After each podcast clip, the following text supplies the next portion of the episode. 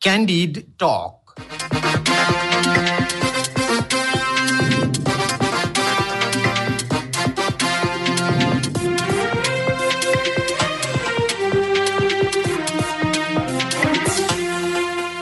नमस्कार क्यान्डिड टकमा तपाईँलाई स्वागत छ। म धीरज बस्नेत। रेडियो क्यान्डिडको प्रस्तुति कार्यक्रम क्यान्डिड टक तपाईँले शनिबार बाहेक हरेक दिन बिहान साढे छ बजेबाट सात बजेसम्म आधा घन्टा सुन्दै आइरहनु भएको छ। समसामयिक विषयमा कुराकानी हुने यो कार्यक्रम तपाईँले काठमाडौँ उपत्यका र आसपासका जिल्लामा बयानब्बे दशमलव सात मेगाहर्जमा रेडियो क्यान्डिडको आधिकारिक फेसबुक पेजमा हाम्रो पात्रोमा रेडियो क्यान्डिडको एप्स डाउनलोड गरेर र पोडकास्टमा समेत सुन्न सक्नुहुन्छ। सरकारले युट्युब च्यानल सहित इन्टरनेटको माध्यमबाट हुने प्रसारणका लागि इजाजत लिनुपर्ने व्यवस्था गरेको छ। सञ्चार तथा सूचना प्रविधि मन्त्रालयले राष्ट्रिय प्रसारण नियमावलीमा एघारौं संशोधन गर्दै इन्टरनेटको माध्यमबाट हुने प्रसारणको नियमन गर्न यस्तो व्यवस्था गरेको हो। यो संशोधनले युट्युब र त्यस्तै प्रकृतिका अन्य प्रसारणलाई पहिलो पटक कानुनी दायरामा ल्याएको छ। नियमावलीले युट्युब लगायत विभिन्न ओटिटी प्लेटफर्मका साथै इन्टरनेट मार्फत नियमित रूपमा श्रव्य दृश्य कार्यक्रम प्रसारण गर्ने कार्यलाई अनलाइन टेलिभिजनका रूपमा परिभाषित गरेको छ। यसरी अनलाइन टेलिभिजनका रूपमा परिभाषित गरिएका अनलाइन टेलिभिजनहरू चलाउनका लागि कम्तीमा पाँच लाख रुपियाँ तिरेर इजाजत लिनुपर्ने समेत व्यवस्था गरिएको छ। यो व्यवस्थाले युट्युब च्यानलमा देखिएको विकृति र सामाजिक सञ्जालमा देखिएका विकृतिहरू हट्न सक्छन् वा सरकारले ल्याएको यस नियमले गर्दाखेरि थप व्यक्तिको अभिव्यक्ति स्वतन्त्रतामा अङ्कुश आउन सक्छ।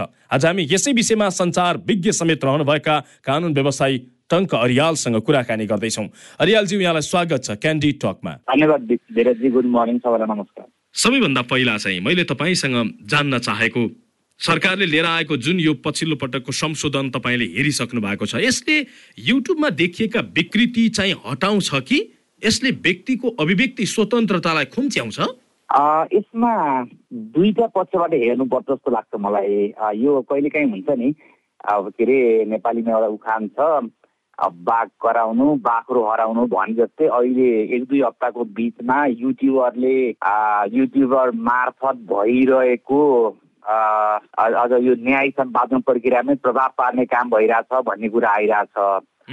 पर्टिकुलरली एकजना आरोपित व्यक्तिको सपोर्टमा अथवा त्यसलाई रिपोर्ट गर्ने सन्दर्भको कुरा आएको हुनाले अहिले नियमावली आउँदाखेरि चाहिँ त्यसैलाई सम्बोधन गर्न आएको हो कि भन्ने किसिमको भ्रम होला। तर यो अलि अलिक पहिलादेखि एक्सर्साइज भइरहेको विषयवस्तु हो किनभने नेपालमा प्रसारणको सन्दर्भमा कुराकानी गर्ने हो भने हामीले हामी कहाँ टेलिभिजन प्रसारणको कुराकानी गर्दा जुन टेरिस्टोरियल लाइन अथवा चाहिँ सेटेलाइट हुन्छ नि हामी तारबाट अथवा एन्टेनाबाट अथवा चाहिँ सेटेलाइट मार्फत चाहिँ प्रसारण भइरहेको अवस्थामा त्योभन्दा भिन्न तरिकाले प्रसारणको माध्यम व्यापक बढेको अवस्थामा यसलाई सम्बोधन गर्नुपर्छ है भन्ने किसिमको कुरा पहिलादेखि नै आएको थियो र अहिले अलि लामो एक्सर्साइज पछि चाहिँ यो नियावली आएको हो। जस्तो मैले म हुन त अहिले यात्रामा छु मैले एकछिन सर र एक सर त्यसलाई सर पढ्या हो पढ्या छु होइन? त्यो पाटोबाट हेर्दा अहिले सरकारले जुन नियावली लिएर आएको छ त्यसमा दुई तिनवटा कुरा देखिन्छ। एउटा भनेको भिडियो कन्टेन्ट छ नि। भिडियो कन्टेन्टलाई चाहिँ अब अलिकति नियमनको दायरामा लिएर आउनुपर्छ भन्ने पाटो छ। त्यसमा दुई तरिकाले हेरिएको छ। एउटा चाहिँ कन्टेन्ट रेगुलेसनको पाटोलाई गरेर अर्को भनेको चाहिँ रेभिन्यू जेनेरेसनको पाटोलाई लिएर। किनभने हामी अहिले हेरौँ टेलिभिजन प्रसारण भनेर भइरहेको छ जुन रेगुलर हाम्रो क्लासिकल परिभाषा अन्तर्गतको टेलिभिजनबाट जे जस्तो कन्टेन्ट आइरहेछ जे जस्तो रे रेभिन्यू जेनेरेट भइरहेको छ। त्योभन्दा बढी कन्टेन्ट र रेभिन्यू चाहिँ मानव इन्टरनेट बेस्ड कन्टेन्टमा भइरहेको अवस्था चाहिँ हो। यस किसिमले ग्लोबल्ली नै यसलाई सम्बोधन गर्ने प्रयासहरू भएका छन्। इन्डियामा पनि मैले सम्झेसम्म पोहोरतिर एउटा यस्तै किसिमको डकुमेन्ट आएको थियो। त्यसलाई ओटिटीमा चाहिँ आउने भिडियो कन्टेन्ट त्यसको रेभिन्यू जेनेरेसनको पाटोबाट। अब सँगसँगै यसले कतिपय लेभलमा यसलाई यसलाई यसलाई कसरी प्र्याक्टिसमा आउँछ कतिपय कुरा अहिले आएको नियमावलीमा पनि क्लियर छैन। कतिपय कुरा अब अरू निर्देशिका बनाउने भनेर भनिएको छ। सरकार कुन कुराले गाइडेड हुन्छ र ती निर्देशिका कसरी बन्छन् भन्ने कुराले पनि तपाईँ उठाउनु भएको कुरा अथवा एउटा महत्त्वपूर्ण विषयवस्तु अभिव्यक्ति स्वतन्त्रताको कुरालाई चाहिँ यसले कसरी सङ्कुचनतर्फ लान्छ भन्ने कुरा चाहिँ ठुलो कन्सर्नको विषयवस्तु हो। महत्त्वपूर्ण कुरा चाहिँ के भने खास गरी अब यो जुन युट्युब च्यानल दर्ताको जुन खालको चाहिँ प्रावधान बनाइएको छ यसले गर्दाखेरि अहिले जुन खालको युट्युबमा विकृतिहरू देखिएको छ हुँदै नभएका विषयहरूलाई जथाभावी अन्तसन्ट तपाईँको शीर्षक राखेर अनेकन थमेनमा अनेकन टेक्स्ट राखेर जुन तरिकाले भ्रामक सूचनाहरू बेच्ने काम भएको छ यसरी दर्ता हुँदैमा त्यो भ्रामक सूचना बेच्ने क्रम चाहिँ रोकिन्छ कि रोकिँदैन? मूल प्रश्न चाहिँ त्यो हो। होइन यस्तो छ। यो यो छ नि दर्ता हुँदैमा यस्तो भ्रामक सूचना रोकिँदैन। किनभने हामीलाई थाहा छ विगतमा पनि दर्ता भएर हामीले नै विश्वास गरेको पत्रिका छ नि अथवा पत्रिकाकै लेभलमा पनि भ्रामक सूचना आएर अथवा मान्छेको गोपनीयताको कुरा बाहिर आएर मान्छेले सुसाइड गर्न परेको अवस्था त हामीले देखिरहेको छौँ नेपाली मिडियाको हिस्ट्रीमा। तसर्थ यो यो अहिलेको लिएर आएको नियमावलीले त्यसरी चाहिँ भ्रामक सूचना रोक्नको लागि आएको नै देखिँदैन। मैले अघि भन्ने यसलाई चाहिँ मात्रै आफ्नो दायरामा लिएर आउनु पऱ्यो तपाईँले त्यहाँ हेर्नुभयो भने यहाँ ओटिटी अथवा भिओडी के अरे भिडियो अन डिमान्डमा प्रसारण गर्नेहरूले नेपालमै क्यास सर्भर राख्नुपर्ने आदि आदि जुन जुन कुरा उठ उठान गरेको छ त्यसको रेकर्ड मेन्टेन गर्नुपर्ने युजरको रेकर्ड मेन्टेन गर्नुपर्ने कुरा हेर्दा उसले सरकारले चाहिँ व्यक्तिको युजरको डेटाप्रति अलिकति बढी चासो राखेको छ। र रेभिन्यूप्रति चासो राखेको छ। धेरै मैले एउटा कुरा यहाँ भन्नै पर्ने कुरा के हो भने युट्युबमा आएको कन्टेन्ट र त्यसले व्यक्तिको गोपनीयता अथवा चाहिँ जुन प्रक्रियामा चाहिँ महारानीको कुराहरू अथवा चाहिँ एउटा जनरल ट्रेनमा प्रसारण गर्नुपर्ने कुराभन्दा बाहिर गएको छ। त्यसलाई सम्बोधन गर्ने गरी त हाम्रो कतिपय लेभलमा हाम्रो अहिलेकै कानुनले सम्बोधन गर्छ कि। तपाईँलाई अब यद्यपि म त्यो कानुनको वकालत गर्दा होइन त्यो कानुन परिवर्तन हुनुपर्छ समय सापेक्ष हुनुपर्छ भन्ने कुरा छ। हाम्रो प्रसारण ऐन नै हेर्ने हो भने त्यस्तो किसिमले भ्रामकहरू मान्छेको गोपनीयता हनन गर्ने कुराहरू राष्ट्रिय हितमा असर गर्ने कुराहरू प्रसारण कुनै पनि माध्यमबाट गर्न पाइँदैन। त्यस्तो विद्युत विद्युतीय प्रसारण सम्बन्धी के रहेछ? इलेक्ट्रोनिक ट्रान्जेक्सन एक्टको दफा सत्तालिस हेर्नुभयो भने अन्य प्रसारणमा गरिने प्रसारणलाई चाहिँ इलेक्ट्रोनिक ट्रान्स के अरे माध्यमबाट प्रसारण गर्न नहुने भनेर भनेको छ। त्यो हुँदा अहिले जुन उद्देश्य छ नि हामीले युट्युबलाई कन्ट्रोल गर्नुपर्छ भन्ने जनमानसमा भावना छ त्यो चाहिँ यहाँ त्यति देखिँदैन। भनेको यो चाहिँ खास गरी अब घाउ चाहिँ हातमा छ उपचार चाहिँ खुट्टामा गरे जस्तो देखियो त्यो त होइन? होइन यस्तो यो मैले अघि नै सुरुमै भने यो अहिलेको जुन टेम्पोररी समस्या भनेर सबै समस्या भनेको छ नि त्यो समस्या सम्बोधन गर्न आएको नियावली नै होइन। यो भनेको अलिक पहिलेदेखिको ब्याकग्राउन्डमा मिडिया कन्भर्जेन्सको कुराहरू आदि कुरालाई सम्बोधन गर्नुपर्ने मिडियमहरू चेन्ज भएको कुरा राज्यले रेभिन्यू छुटाइरहेको कुरा त्यसलाई सम्बोधन गर्न आएको। मैले तपाईँलाई भनौँ अहिले नेपालमा नेपालमा मात्रै होइन ग्लोबल्ली नै सिनेमा हल जानेको मान्छेको सङ्ख्या घट्या छ कोभिडको कारणले। तर नेटफ्लिक्स सब्सक्राइब गर्नेहरूको सङ्ख्या चाहिँ वात्तै बढेको छ। सर नेपाली नागरिकले नेटफ्लिक्स चलाउन थाले अमेजन प्राइम चलाउन थाले अरू अरू यस्ता धेरै प्लेटफर्म छन् मैले नाम नलिउँ जसबाट चाहिँ इन्टरटेनमेन्टको कन्टेन्ट चाहिँ आज भिडियो अन डिमान्डको किसिमले चाहिँ व्यक्तिको घर घरमा पुगिरहेछ। त्यो चाहिँ अब जुन टेलिभिजन हेर्न छोडियो रेगुलर टेलिभिजन त्यतापट्टि मान्छे गइसकेपछि रेभिन्यू त छुट्यो नि सरकारको। त्यो पाटो कारणले गर्दाखेरि त्यसलाई सम्बोधन गर्न आएको विषयवस्तु हो।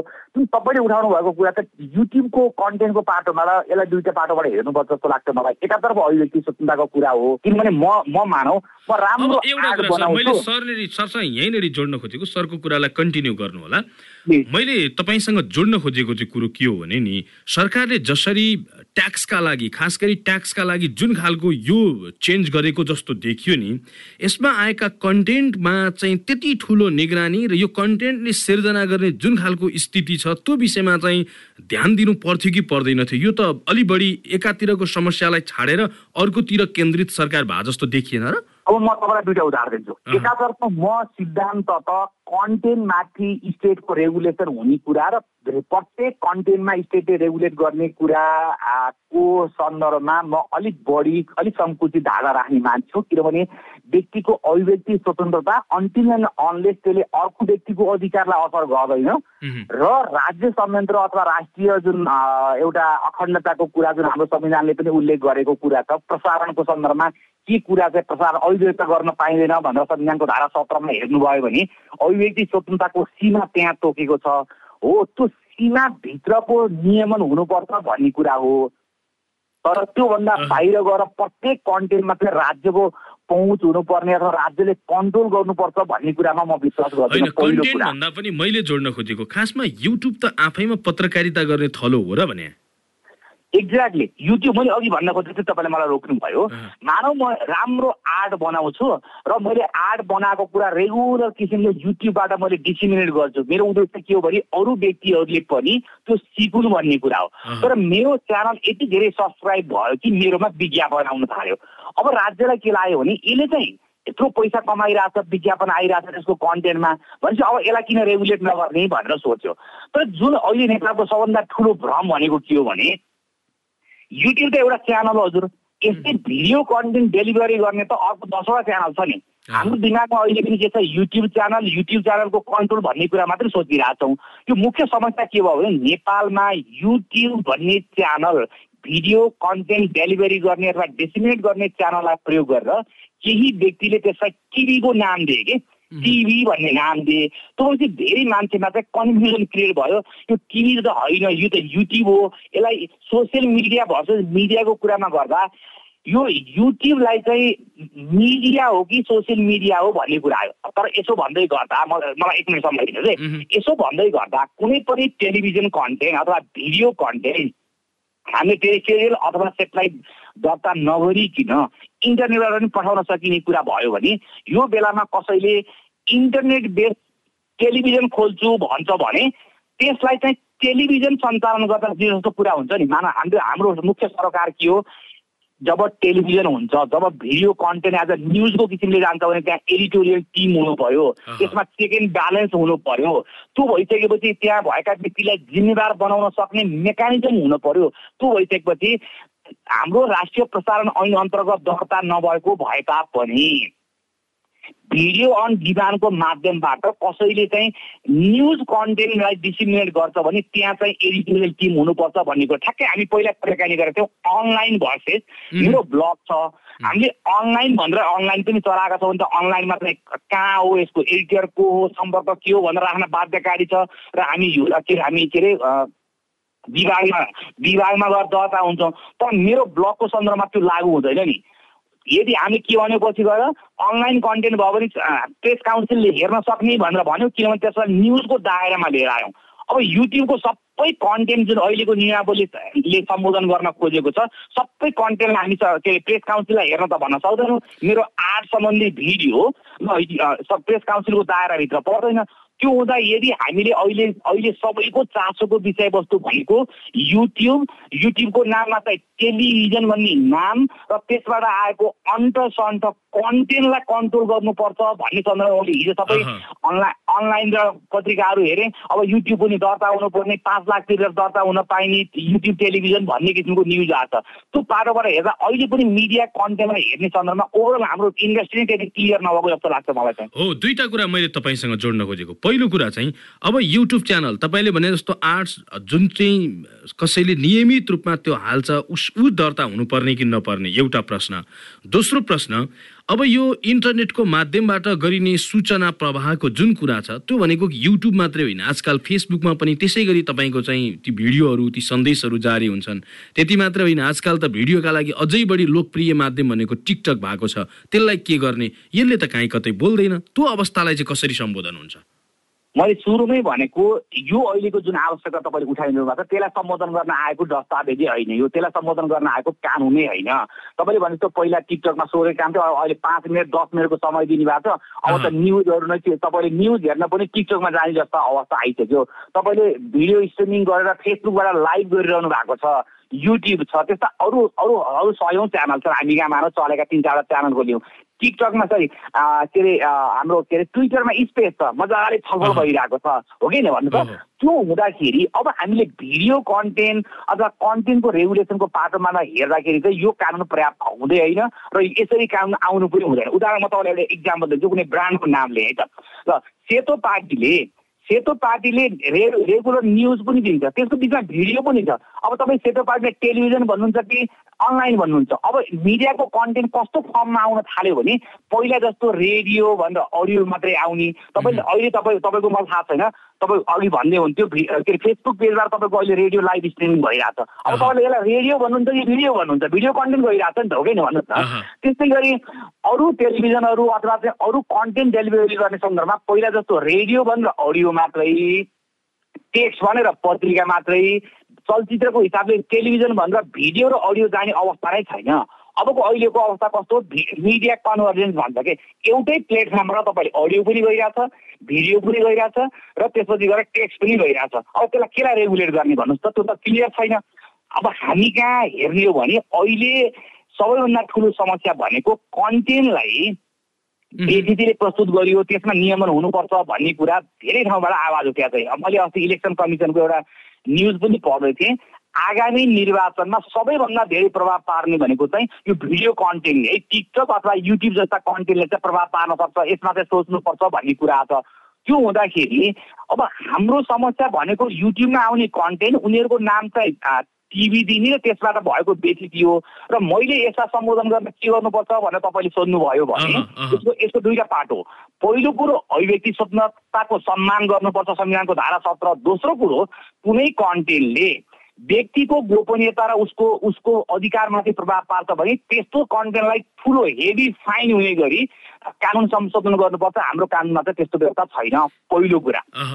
दोस्रो कुरा यदि कुनै पनि कन्टेन्ट डेसिमिनेसनको प्लेटफर्मले सोसियल मिडियाको सन्दर्भमा कसैले युट्युब च्यानल बनाएर राख्छ भने उसले मिथ्या सूचना भ्रामक सूचना प्रसारण गर्छ भने त्यसलाई सम्बोधन गर्नको लागि अहिले हाम्रो एक्जिस्टिङ कानुन छ नि देवानी संहिता फौजदारी संहिता हाम्रो गोपनीयता सम्बन्धी कानुन प्रसारण सम्बन्धी कानुनले त्यसलाई पर्याप्त सम्बोधन गरेको छ भने त्यसैलाई प्रयोगमा ल्याउनु पर्छ। होइन भने त्यही कानुन संशोधन गरेर चाहिँ हामी चाहिँ उपयुक्त व्यवस्था गर्नुपर्छ। मिडियम अनुसारको एउटा समस्या अनुसार नयाँ कानुन ल्याउने परिपाटीको चाहिँ अन्त्य गर्नुपर्छ भन्ने हो हाम्रो सुरुदेखिको कारण। मैले तपाईँसँग अब एकजना एउटा विज्ञका हिसाबले एउटा कानुन व्यवसायीको हिसाबले अहिले जुन खालको चाहिँ ऐनमा जुन खालको संशोधन गरिएको छ यसले चाहिँ के देखाउँछ यो युट्युबहरूको जुन खालको मैले फेरि पनि दोहोऱ्याएर तपाईँसँग जोड्न खोजेको कुरा चाहिँ के भने सबै खालका युट्युब च्यानल दर्ता हुनुपर्ने हो कि यो समाचार जन्ने सामग्री प्रसारण गर्दै आएका आफूलाई पछाडि टिभी झुन्ड्याएकाले मात्रै दर्ता गर्नुपर्ने हो। यसले क्लियर गर्छ कि गर्दैन। पहिलो कुरो दोस्रो कुरो चाहिँ युट्युब मात्रै दर्ता हुनुपर्ने हो कि अन्य भिडियो प्लेटफर्महरू पनि दर्ता हुनुपर्ने हो। यसले क्लियरिटी चाहिँ दिन्छ कि दिँदैन? यो सबभन्दा ठुलो भ्रम के भयो भने अनलाइन टेलिभिजनहरू दर्ता गर्न सकिने र दर्ताको शुल्क चाहिँ पाँच लाख भनेर नियामले भन्यो होइन। त्यो भइसकेपछि अनलाइन टेलिभिजन भनेर भनिसकेपछि धेरैको दिमागमा सुरुमा के आयो भने अनलाइनबाट कन्टेन्ट एक्सप्लेन गर्ने भनेको युट्युब हो। ती युट्युब च्यानलहरूले पछाडि टेलिभिजन झुम्ल्या छन्। त्यही भएर अब यिनीहरू दर्ता हुन पाउने हो। मैले धेरै न्यु अनलाइन अथवा न्युज पेपरको हेडिङमा हेरेँ। अब युट्युब पनि दर्ता हुनुपर्ने र पाँच लाख तिर्नुपर्ने भन्ने किसिमको न्युज आयो आजको कान्तिपुरले नै फ्रन्ट पेजमा तपाईँको युट्युब च्यानल चलाउँदा इजाजत लिनुपर्ने भनिएको छ। तर यहाँ चाहिँ के भने इन्टरनेटको माध्यमबाट हुने प्रसारणको नियमन गर्न चाहिँ नियमन गर्न यस्तो व्यवस्था गरिएको भन्ने खालको ऐनमा यो प्रावधान छ। अब इन्टरनेट भनेको चाहिँ युट्युब मात्र त होइन होला। जुन जुन जुन कुरा अहिले अथवा नियावली भन्न खोजेको कुरा त्यसमा क्लियरिटी छैन होइन? इभन तपाईँले त्यहाँ हेर्नुभयो भने हिजो गोगन हमालकी को हुनुहुन्छ त्यहाँ हाम्रो उसको डिरेक्टर उहाँको उहाँको हेर्नुभयो भने मैले कता सुनेको थिएँ। उहाँले के भन्नुभएको छ भने युट्युबहरूको लागि चाहिँ हामी पछि निर्णय गर्छौँ यसमा छलफल भइरहेको छ निर्देशिका ल्याउनु पर्छ भन्नुभएको छ। एकातर्फ कानुन जारी गर्ने निकाय र कानुनको परिभाषा हेर्नुभयो भने एकातर्फ छ। मान्छेको प्रि अकुपाइड माइन्ड र बायस दिमागले के भन्यो भने यो युट्युब दर्ता युट्युब भन्ने कुरा नै होइन कि मैले अघि एउटा टिकटकको कुराकानी होला। भिडियो स्ट्रिमिङ गर्ने तपाईँले फेसबुकबाट भिडियो स्ट्रिमिङ गर्नुभएको छ। भनेको कुनै पनि भिडियो कन्टेन्ट डेलिभर गर्ने प्लेटफर्मको कुराकानी आउँछ कि? त्यो भएर यो न्युज जसरी आएको छ त्यो गलत गरेका आएको छ भन्ने लागिरहेको छ मलाई चाहिँ। जस्तो यो नियमन गर्न चाहिँ के गर्नु पर्छ जस्तो भिडियोमा खास गरी अब सोसियल मिडियाको प्रयोग गरेर हामी जो मिडिया कर्मीहरू छौँ मिडिया कर्मीले खास गरी सेकेन्डरी मार्केटका रूपमा यी युट्युब फेसबुक लगायतलाई हामीले प्रयोग गरिरहेछौँ। जस्तो अहिले तपाईँ र म बिच भइराखेको कुराकानी फेसबुकमा लाइभ गरिराखिएको छ। यो हाम्रा लागि सेकेन्डरी हो तर पहिला हामी रेडियोमा कुराकानी गरिराखेका छौँ। यसरी चल्नेखेरि चाहिँ यो ठिकै हो कि? होइन डाइरेक्ट फेसबुकलाई प्रयोग गरेर डाइरेक्ट त्यसैलाई आधार मानेर त्यहीँनिर चाहिँ तपाईँको अन्तर्क्रिया गर्ने त्यहीँ बहस गर्ने त्यहीँ छलफल गर्ने र त्यहीँबाट समाचार जन्ने सामग्री उत्पादन र प्रसारण गर्ने त्यो चाहिँ गर्न सकिन्छ कि सकिँदैन वा त्यसो गर्दाखेरि त्यो हानिकारक हुन्छ कि हुँदैन? यस्तो कोही जनरली म तपाईँलाई मात्रै पर्सनलाइज गरिदिन आफूले गरेको हदसम्म यो त ठिकै हो लाग्छ किनभने त्यसले हानि गरेको छैन भन्ने लाग्छ। उदाहरणको लागि तपाईँले रेडियो सञ्चालनको लाइसेन्स लिनुभएको छ त्यसबाट रेडियो कन्टेन्ट डेसिमिनेट गर्ने भन्ने कुरा छ। तपाईँको फ्रिक्वेन्सीको सीमितता छ। त्यस्तो हामीले भन्यौँ मेरो मानव नाइन्टी टू पोइन्ट कति भन्नुभयो हाम्रो radio? Okay ninety two point सेभेनले तपाईँलाई लाइसेन्स दिँदा के भनेको छ? यति यति मेगा हर्सको सरी के यति किलोवाटको क्षमताको चाहिँ ट्रान्समिटर लाइन हुन्छ र यसले यति एरिया कभर गर्छ भनेर दिएको छ। त्यो भनेको मतलब तपाईँले प्रसारण गर्ने सन्दर्भको त्यो कन्टेन्ट डेलिभरीको क्षेत्र चाहिँ समेटेको छ नि त। क्षेत्र चाहिँ सीमित छ नि। तर हामी के गरेका छौँ त्यसलाई फेसबुक मार्फत चाहिँ स्ट्रिमिङ गरेका छौँ एप्स मार्फत दिइरहेको छ तपाईँको उद्देश्य के हो भने म अनेस्टली भन्नुपर्ने हुन्छ यो बढी बढी मान्छेले सुनुन् बढीको ठाउँमा पुगोस् र रिचको आधारमा मेरो चाहिँ एकातर्फ व्यक्तिले मेरो कन्टेन्टलाई एप्रिसिएट गर्नु अर्कोतर्फ भनेको त्यो कन्टेन्टमाथि चाहिँ मैले रेभिन्यू जेनेरेट गर्न सकेँ भने त्यो पनि गरौँ भन्ने कुरा हो नि त। तपाईँले अहिले लाइभ गर्नुको उद्देश्य अथवा चाहिँ तपाईँले एप्स मार्फत कन्टेन्ट दिनुको उद्देश्य उद्देश्य त्यो हो। तर अँ। तपाईँले लिएको लाइसेन्स भनेको के हो भने रेडियोको सर्टेन फ्रिक्वेन्सी र सर्टेन क्षेत्रमा प्रसारण गर्ने कुरा हो नि त। हामीले के भन्यो तपाईँले भन्नुभयो त्यो चाहिँ अतिरिक्त हो। है हाम्रो मेन भनेको रेडियो हो। अतिरिक्त किसिमले हामीले ट्रान्समिट गरेका छौँ भन्ने कुरा हो। यो पाटोबाट हामीले सोसियल मिडियाको प्रयोगको सन्दर्भकोलाई मात्रै हेरिरहेको छौँ। तर तपाईँले भने जस्तै अर्को पाटो के भयो? कसैले चाहिँ अरू टेलिभिजनको लाइसेन्स ल्याएको छैन। युट्युब मार्फत अथवा अर्को भिडियो कन्टेन्ट गर्ने टेलिभि के अरे मिडियम मार्फत चाहिँ कन्टेन्ट डिसिमिनेट गरेको छ भन्यो भने तपाईँले अहिलेको कानुन हेर्नुभयो भने के देखिन्छ थाहा छ राज्यले जुन ओटिटीको रेगुलेसनको लागि दर्ता हुनुपर्ने त्यसको कस्ट कति राखेको छ? एक करोड राखेको छ। यसको मकसदै के देखिन्छ भन्यो भने रे रेभिन्यूमाथि चाहिँ आफ्नो हात हुनु पर्यो र डेटामाथि आफ्नो हात हुनु पर्यो भन्ने कुरा हो। अहिले तपाईँले उठाएको चाहिँ युट्युबमा आएको कन्टेन्ट र त्यसको रेगुलेसनको पाटोबाट चाहिँ यो कानुन चाहिँ त्यति धेरै प्रभावकारी अथवा त्यो लाइनबाट आएको कानुन चाहिँ होइन। ए भनेको यो चाहिँ खास गरी मैले अघि पनि भने समस्या चाहिँ कन्टेन्टमा छ खास गरी जहाँ चाहिँ जुन कन्टेन्टका कारणले गर्दाखेरि एकदमै भ्रामक सूचनाहरू बेच्ने क्रम एकदमै धेरै बढो जो पनि आफू चाहिँ बुम बोकेर क्यामेरा बोकेका भरमा आफू पत्रकार भन्दै हिँड्ने व्यक्तिहरूको जगजगी बढ्यो। समस्या त्यतातिर थियो तर यहाँ चाहिँ सरकारले के देख्यो भने ए यहाँबाट पनि ट्याक्स उठाउन सकिने रहेछ भनेर त्यो नियमन मात्र गर्न खोज्या जस्तो देखियो। हजुर त्यो देखियो जस्तो उदाहरणमा एउटा इक्जाम्पल दिएँ मेरो मेरो युट्युब च्यानल छ म टङ्क के YouTube channel slash Tanka Aryal भनेर मेरो च्यानल रह्यो। मेरो च्यानल मार्फत यस्तो भिडियो कन्टेन्ट गइरहेछ। मानव एज अ न्युज कन्टेन्टको किसिमले गर्यो मैले दर्ता भइनँ। दर्ता नहुँदाखेरि चाहिँ राज्यलाई के लाग्यो भने यसको कन्टेन्ट त गइरहेछ यसले चाहिँ पैसा कमाइरहेछ अथवा यसको कन्टेन्टले चाहिँ मानौ न यस्तो प्र- प्रभाव पारेको छ भने यसलाई त रोक्न पर्छ भन्यो भने उसले आइएसपीलाई के लेखिदिन्छ भने युट्युब स्ल्यास के अरे टङ्क अर्याल भन्ने च्यानललाई चाहिँ नेपालमा चल्न नसक्ने बनाइदिए भनेर उसले लेखिदिन्छ। त्यो भएपछि मेरो च्यानल अथवा नेपालमा चल्दैन। त्यो हुँदा ओभरअल पाटोबाट हेर्दा सरकारको चाहिँ कुनै पनि कन्टेन्ट डेसिमिनेट गर्ने साइडमाथिको चाहिँ कन्ट्रोल चाहिँ हो। तर तपाईँले भने जस्तो चाहिँ त्यसभित्रको कन्टेन्ट रेगुलेसनको पाटोमा चाहिँ यो कानुन चाहिँ त्यति स्पष्ट चाहिँ छैन। त्यही डकुमेन्टमा पनि भनेको छ। निय नियमावली बनाउने अथवा चाहिँ अरू निर्देशिका बनाउने त्यसपछि गएर अब कानुन जारी गर्ने सन्दर्भमा त्यो निकायको आधिकारिक अधिकारीले पनि भन्नुभएको छ। हामीले जुन नाम लिएको अमुक युट्युब च्यानलको सन्दर्भमा चाहिँ अरू छलफल गर्छौँ त्यसलाई कसरी हेर्ने भन्ने बाटोमा चाहिँ अझै क्लियर भएको छैन भनेर भन्नुभएको देखाएको छु मैले चाहिँ। हस् यहाँलाई महत्त्वपूर्ण समय र संवादका लागि धेरै धेरै धन्यवाद। हस् धन्यवाद।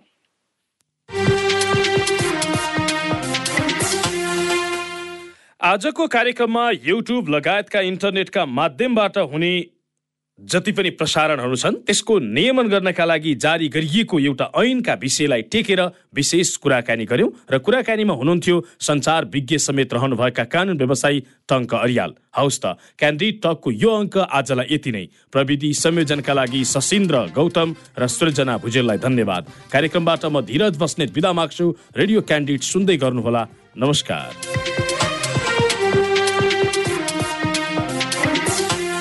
Candid Talk.